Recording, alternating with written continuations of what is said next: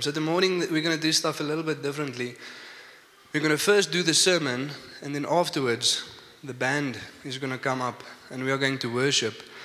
And the reason for that is that when we go through a weekend that we're going through, when we reflect on the crucifixion of Jesus, when we look at the Passover and all that it means, and also on that, you know, if you want to call this weekend something, call it Passover. Let's at least stick to biblical names. If you want to eat an Easter egg, eat the Easter egg, but just remember it's Passover. It's not Easter. Uh, it's biblical names for biblical things for biblical reasons. Amen. And when we look at this, at the crucifixion of Jesus and what this means, there's certain things that should stand out for us, certain, certain things that we should become aware of. But on a weekend like this, there should be less speaking about what Jesus did for us because we know, we understand the message of the cross. But rarely there's time to really reflect and to see and to take in what it means so that information can turn into revelation. So that the things that we say in life can move from our heads to our hearts. And I want to share just with us a couple of things. I'm not going to be too long this morning. And I hope it really impacts us this morning as we look at the cross of Christ and see what we can learn from that. But just before we begin, I want to just open for us in prayer. Yes, Lord, thank you that we can be here this morning. Thank you for your goodness. Thank you for your faithfulness. And thank you, Lord, as the whole world, Lord, in some sense, Father, has become a little bit more aware, Father, of what you've done for us, Lord, on the cross. Might have been, Lord, thousands of years ago, Lord, but the reality still remains the same. And may we realize, Lord, that what we see in Scripture, Lord, the condition in the hearts of men back then, Father, it's still true right now, Lord. And unfortunately, of our hearts as well. And although years have passed, Lord, we're still in desperate need, Lord, of the gospel. Still in desperate need of grace, of salvation, Lord. And this morning, Father, as We've also gone through life, Lord, with a lot of tradition, Father, and a lot of things that we've maybe seen and heard over a weekend like this, Lord, and Passover, Father, and reflecting on certain things, Lord. May that which is not of you, Lord, fall away, Lord. And may we realize, Lord, and open ourselves up, Lord, to the message of the gospel, Lord. What the cross means, Lord, the reality that we should see. Thank you, Jesus, for your goodness. Thank you, Holy Spirit, that you are here. thank you, Father, for your perfect will. In Jesus' name, amen. So, this morning, I want to start off by asking us a question. And again, it's not one that you have to answer audibly, but just for yourself, there where you sit. And the question is Do you need the cross of Christ? Do you need the gospel? What Jesus did on the cross, do you need that? What took place there? Do you need that? So, just in your own head, answer the question yes or no. Am I in need of salvation? Am I in need of the cross of Christ? Am I in need of grace? And then the second question How desperately do you need that?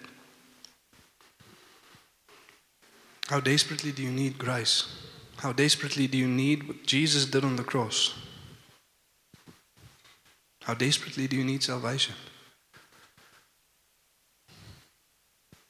And you see, many times when we hear statements like that and reflect on certain biblical passages, the question is yes, I need that. Understand I need the work of Jesus on the cross. Understand I need grace. I need salvation. I need all of the things that Jesus did. But then the question why? Why do we need it? And again, in your own words, if you can just answer that for yourself. Why?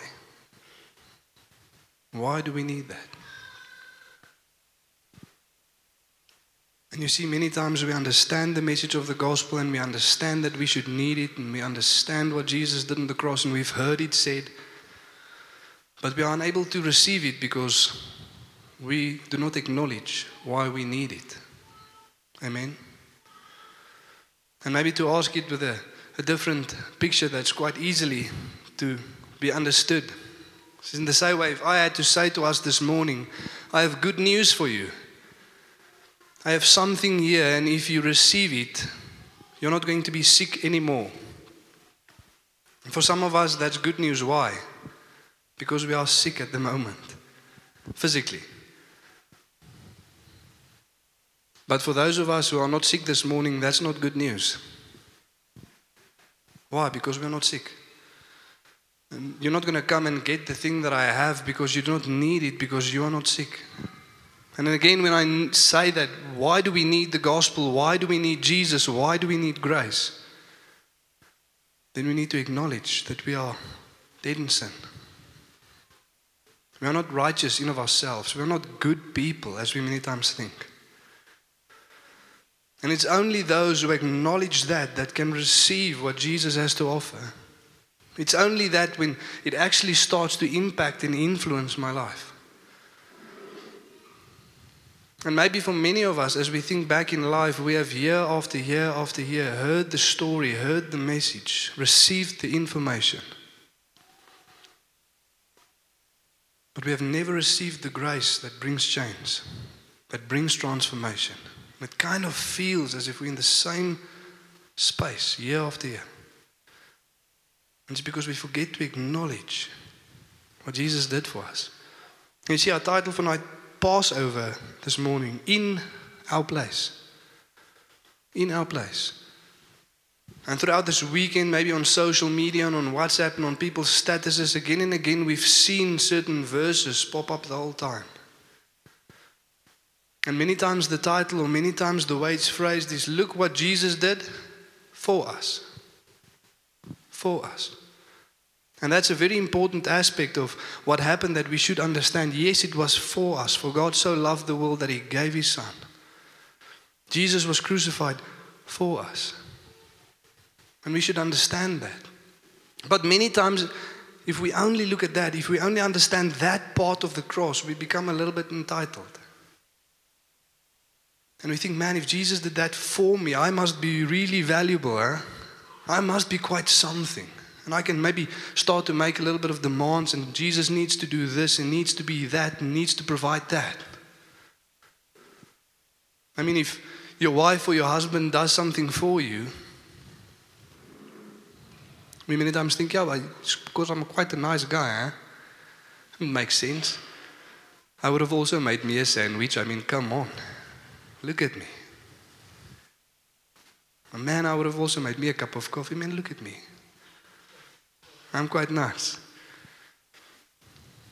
And in the same way, many times, if your paycheck comes in the end of the month, you don't phone your boss and go, man, wow, I did not expect that at all.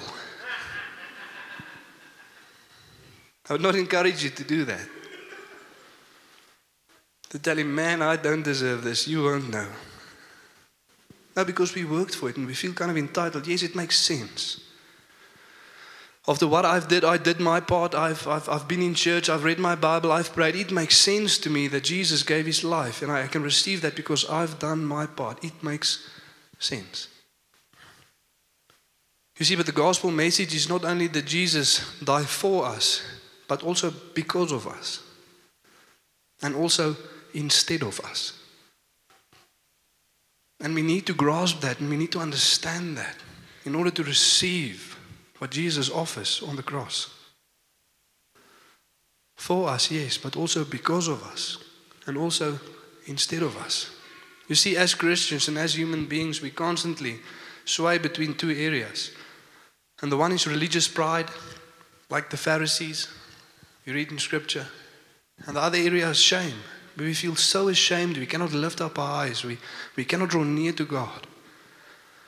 And it's because we don't understand these two realities of the cross the love of God and also the sinful nature of man, displayed for us to see as we read the story. And very important for us to understand because if we only say that Jesus died because of us, then we are many times caught in that place of shame and we cannot look to Christ. We cannot lift up our eyes because we don't understand the also for. He also did it for you because He loves you. And if we only understand the for, we many times become religious. We get prideful, thinking that we've done our part. And what's so beautiful, it doesn't matter where we are at tonight or this morning, whether it's religious pride or whether it's shame. The answer is look to Jesus. And for both people, doesn't matter where they are, looking to Christ will bring us in line again with the message of the gospel. And I just want to share with us a couple of quick things. The first one is Romans 5, verse 6 to 8. Important for us to understand. Verse 6 it says, For while we were still weak, at the right time, Christ died for the ungodly. While we were still weak. Scripture means when we didn't have the power, we didn't have the capacity, we weren't able to reconcile ourselves to God. Christ died for us. Verse 7 For one will scarcely die for a righteous person, though perhaps for a good person one would dare even to die. But, you see, whenever we see the word but in Scripture, it's making a contrast, contrasting two things with one another. We might, might die for a good person, but God shows His love for us in that while we were still sinners, Christ died for us. Meaning we are not righteous and we are not good. Yet Christ died for us. While we were still weak, while we were still sinners, while we didn't have the ability, the capacity to reconcile ourselves to God, while we were ungodly, Jesus died for us. And again, we need to acknowledge that somewhere in life, sometime, we were ungodly men. Can you acknowledge that? There we are sitting this morning. Scripture says nobody's born a Christian, nobody's born holy. Jesus says, Truly, truly, I tell you, you must be born again. Both sides of the equation. You weren't born righteous and you weren't born to stay the same way. And many times when we are confronted with the message of the gospel or the truth of God's word, many people will say, Yeah, but I was born that way. That's why Jesus says we need to be born again to newness of life. And we kind of see these two truths illustrated in the message of the gospel. While Jesus, the Passion Week is unfolding, Jesus leading up to his crucifixion, we constantly see these two things playing off, these two realities that we should understand while looking at the cross. One is the love of God, and the other one is the sinful nature of man. Each and every time in the story, the writer makes it clear, he wants us to understand the contrast. And also, he wants to make it very, very clear that Jesus knows who he's dying for. Very important to understand. Jesus knows who he's dying for. This doesn't catch Jesus off guard. It's not something that he didn't expect. And the first one we read in Matthew 26. It's Judas, verse 15 and 21. And we read, and said, Judas speaking to them, What will you give me if I deliver him over to you? And they paid him 30 pieces of silver. And after that, Judas is eating with Jesus the Passover meal. Jesus also washing Judas's feet. Jesus also saying to Judas, This is the cup, drink. This is the bread, it's broken. It's my body. And he said, And as they were eating, he said, Truly I say to you, one of you will betray me. Jesus knew. And then we read in verse 48 and verse 49. Now the betrayer, that's Judas, had given them a sign saying, the one I will kiss is the man, seize him. And he came up to Jesus at once and said, Greetings, Rabbi, and he kissed him. And you see, many times we say, No, we, we wouldn't have done that. We wouldn't have been this guy. But scripture makes it clear that often we also come with the pretense of devotion, but we also want the 30 pieces of silver. Amen. How often do we come to Jesus not seeking Him, but what He can give? How often have we seen people and ourselves coming into church, coming into small group with this desire, and the desire is not Christ, and the prayer is not Christ? Lord, for my marriage, Lord, for my children, Lord, for my job. And the moment they get it, they are gone. And we come with seeming devotion, but we also just want the 30 pieces of silver. Are you with me? And we need to acknowledge that this morning. That there's been times in our lives when we've wanted things other than God, and we wanted not God as the end, but as the means to the end. To simply get us what we want. And then we read again, perfectly explained, Matthew 27, verse 35. And after they had nailed him to the cross, the soldiers gambled for his clothes by throwing dice. Just look at that. Picture revealing these two things that we should see the love of God and the sinful nature of man. The greatest manifestation of love this world will ever see. Jesus hanging on a cross. And literally, where his blood is dripping, people are gambling for his clothes. Let's see what more we can get from him.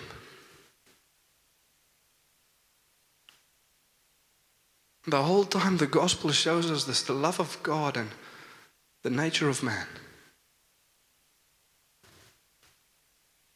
The greatest act of love, Jesus on the cross and mankind at his feet, gambling for his loves. And it's only when we acknowledge that that is us without grace that we can receive grace. And it's not just the world, it's not just Judas, it's the rest of the disciples as well. We see we read in Mark 14 27 and also verse 50. It says, Jesus then, uh, then all his disciples deserted him and ran away. As Jesus were praying in the garden, they came to take him captive. All of the disciples deserted him and ran away. But before that happened, Jesus said, on the way, Jesus told them, All of you will desert me. All of you will run away. All of you will desert me when persecution comes. And Jesus is making it clear that he knows who he is dying for. Are you with me? This is Jesus on his way to the cross. This isn't Jesus after the cross. This isn't Jesus raised from the dead and the angel told him, Hey, you know that they left you. And he says, What if I knew that and I wouldn't have died? This is Jesus on his way to the cross saying to them on his way to the cross, I know that you will run away. The rest of the scripture actually says, After I'm raised from the dead, wait for me at Galilee, I'll get you there. Let me imagine that. That kind of love. Would we tell that to our friends? Hey, I know at the moment that I need you most, you're not going to be there for me. But when I've gone through that moment on my own, don't worry, I'll get you at your house and we'll be friends again. No. That's what Jesus is saying. The moment I need you most, you're going to run away, but don't worry, after that, I'll come back for you. I'll still meet you there. And we need to understand that. Same with Peter. Verse 27 and verse 34. Verse 72. And again he denied it with an oath I do not know the man. Peter saying that he doesn't know Jesus. And Jesus said to him, Truly I tell you, this very night, before the rooster crows, you will deny me three times. Jesus knew. Jesus knew. Not only the world, not only Judas, but his own disciples, you and me. And then again, many times we want to say to ourselves, No, this isn't us. We won't do that. But how many times does the situation come where we should say something that God expects of us to say, or we should act in a way that God desires for us to act, or we should preach the gospel to that person that doesn't know the gospel, and we keep silent? And we deny the one that died for us. See, Titus 1 verse 16 says that there's a people that profess to know God with their lips, but deny Him by the way they live their lives. And we have to acknowledge that that is sometimes us. And Jesus knew. And even when Peter said to him, Lord, if all of these run away, I will not. Jesus said, Truly, truly I tell you, This night won't be over and you'll do it three times. You do not have it in your own strength to make it through the night. And then they go into the garden to pray. And just think about this for a moment. You know, every time we pray, every time we go to God with something on our heart, something that's important to us, we expect God to be there and to listen, to hear, and to reply, and to supply our needs. Amen. But there was also a time when Jesus asked his disciples to pray with him. Jesus told him, I'm sorrowful, my soul is anxious unto death. Won't you stay here and pray with me? You pray with me. And three times when Jesus gets back to the disciples, he finds them what? Asleep. And Jesus is saying, Could you not even pray with me one hour? I think if Jesus were to ask that to the church today, is there even one hour a week where you pray for the things that's important to God? Or is our prayer life constantly just a grocery list? Lord, this is what I want, this is what I need. Or do we also pray about the things that's important to God? Could you not watch with me one hour? If God were to ask that to us this morning, could you not pray with me one hour? What would our answer be? And again, Jesus knew. He knew. It wasn't something that surprised him. I want to end off for us with John 3:16. In light of that, to, to see this. Jesus knowing, Jesus foretelling, I know that you will deny me. I know that you will betray me. I know that you wouldn't be able to pray with me. Scripture even says that the day that Jesus were to be crucified, they're going to gamble for his loaves at his feet. Scripture knew that years before. God knew that. And what is the response? God seeing this, seeing the nature of man, seeing how we betray, seeing how we fail to obey seeing how we fail to devote ourselves to Him again and again. For God so loved the world that He gave His only Son, that whoever believes in Him should not perish, but have eternal life. Yet He gave His life. Yet He gave His life, knowing the hearts of man. And again today, this morning, as the band's coming up to lead us in worship, I want us to reflect on this. Wherever we are this morning, whether it's religious pride thinking, no, I wouldn't be them. Scripture says we are. We are also them. Coming to kiss Jesus on the cheek, but we also just want the 30 pieces of silver. Not being able to pray about the things that's truly important to God. Not always in public professing to know Christ because we are ashamed of what people might think. And even in light of that, he gave his life. That humbles us. And this morning, if we are thinking to ourselves, I've denied too many times. Too many times I've said to God, Lord, this time I won't. And again I have. Jesus knows. It doesn't matter where we are this morning, when we look to Christ, we receive the grace to be what He's called us to be. And again, not to live for ourselves, but to live lives pleasing unto Him. That is the gospel. And like I say this morning, the appropriate response is to worship and to pray. After Jesus instituted the Passover meal with his disciples, the scripture says only there. I haven't read it at a different place about Jesus and his disciples, and the, the writer wants to kind of lift this out. And they sang a hymn and they went on to the all of God. So beautiful. What was the response when he instituted the Passover? What was the response when he said, This is my body, it's broken for you. This is my blood poured out for you? They worshipped. They sang a hymn together. And they went to the garden to pray. And may that be our response as well when we look to what Jesus has done for us on the cross. To worship in gratitude. And to pray and to lay down our lives as we surrender to Him. Amen. I'm going to pray for us, then we can stand and worship God this morning. Lord, thank you for your goodness. Thank you for your mercy, Lord. And Lord, there's some of us sitting here this morning, Lord, that, that's thinking, but if God knew, the reality is, He knows. Some of us thinking to ourselves, Lord, yes, I know that He would die for that person or He would give grace or surrender His life for that person, but not for me. Scripture says God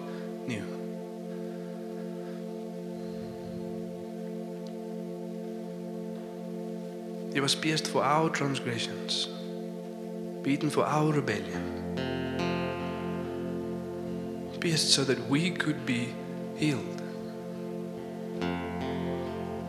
Also, a scripture that many of us have heard and seen this week. But what does the next verse say? Verse 11. It says, Because all we like sheep have gone astray each to his own way. We have turned aside, all of us. Yet God laid on him the iniquities of us all.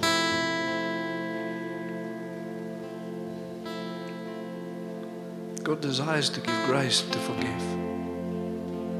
And for others, there needs to be acknowledgement that we need grace. And although it's so difficult to admit and so difficult to even think, no, but we would not have betrayed we would not have run away. We are good men. Scripture says, no, there is no such thing. All have turned aside, each to his own way.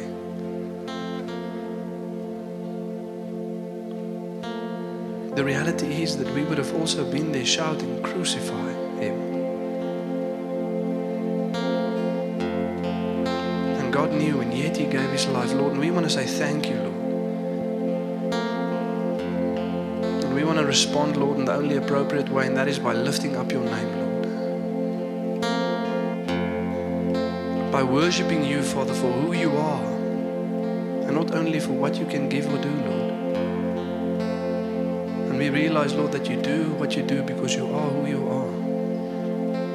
And we want to worship you for that, Lord. And we want to pray, Lord only about the things that's important to us, Lord, but the things that's important to you, Father. And Jesus, this morning we want to say, Lord, we will pray with you an hour. We will stay awake, Lord. And not because we have it within ourselves, but because through the cross of Christ, grace is given to do and to be, Lord, what you've called us to be. Thank you, Lord, for your goodness. We worship you. In Jesus' name. Stand and worship this morning.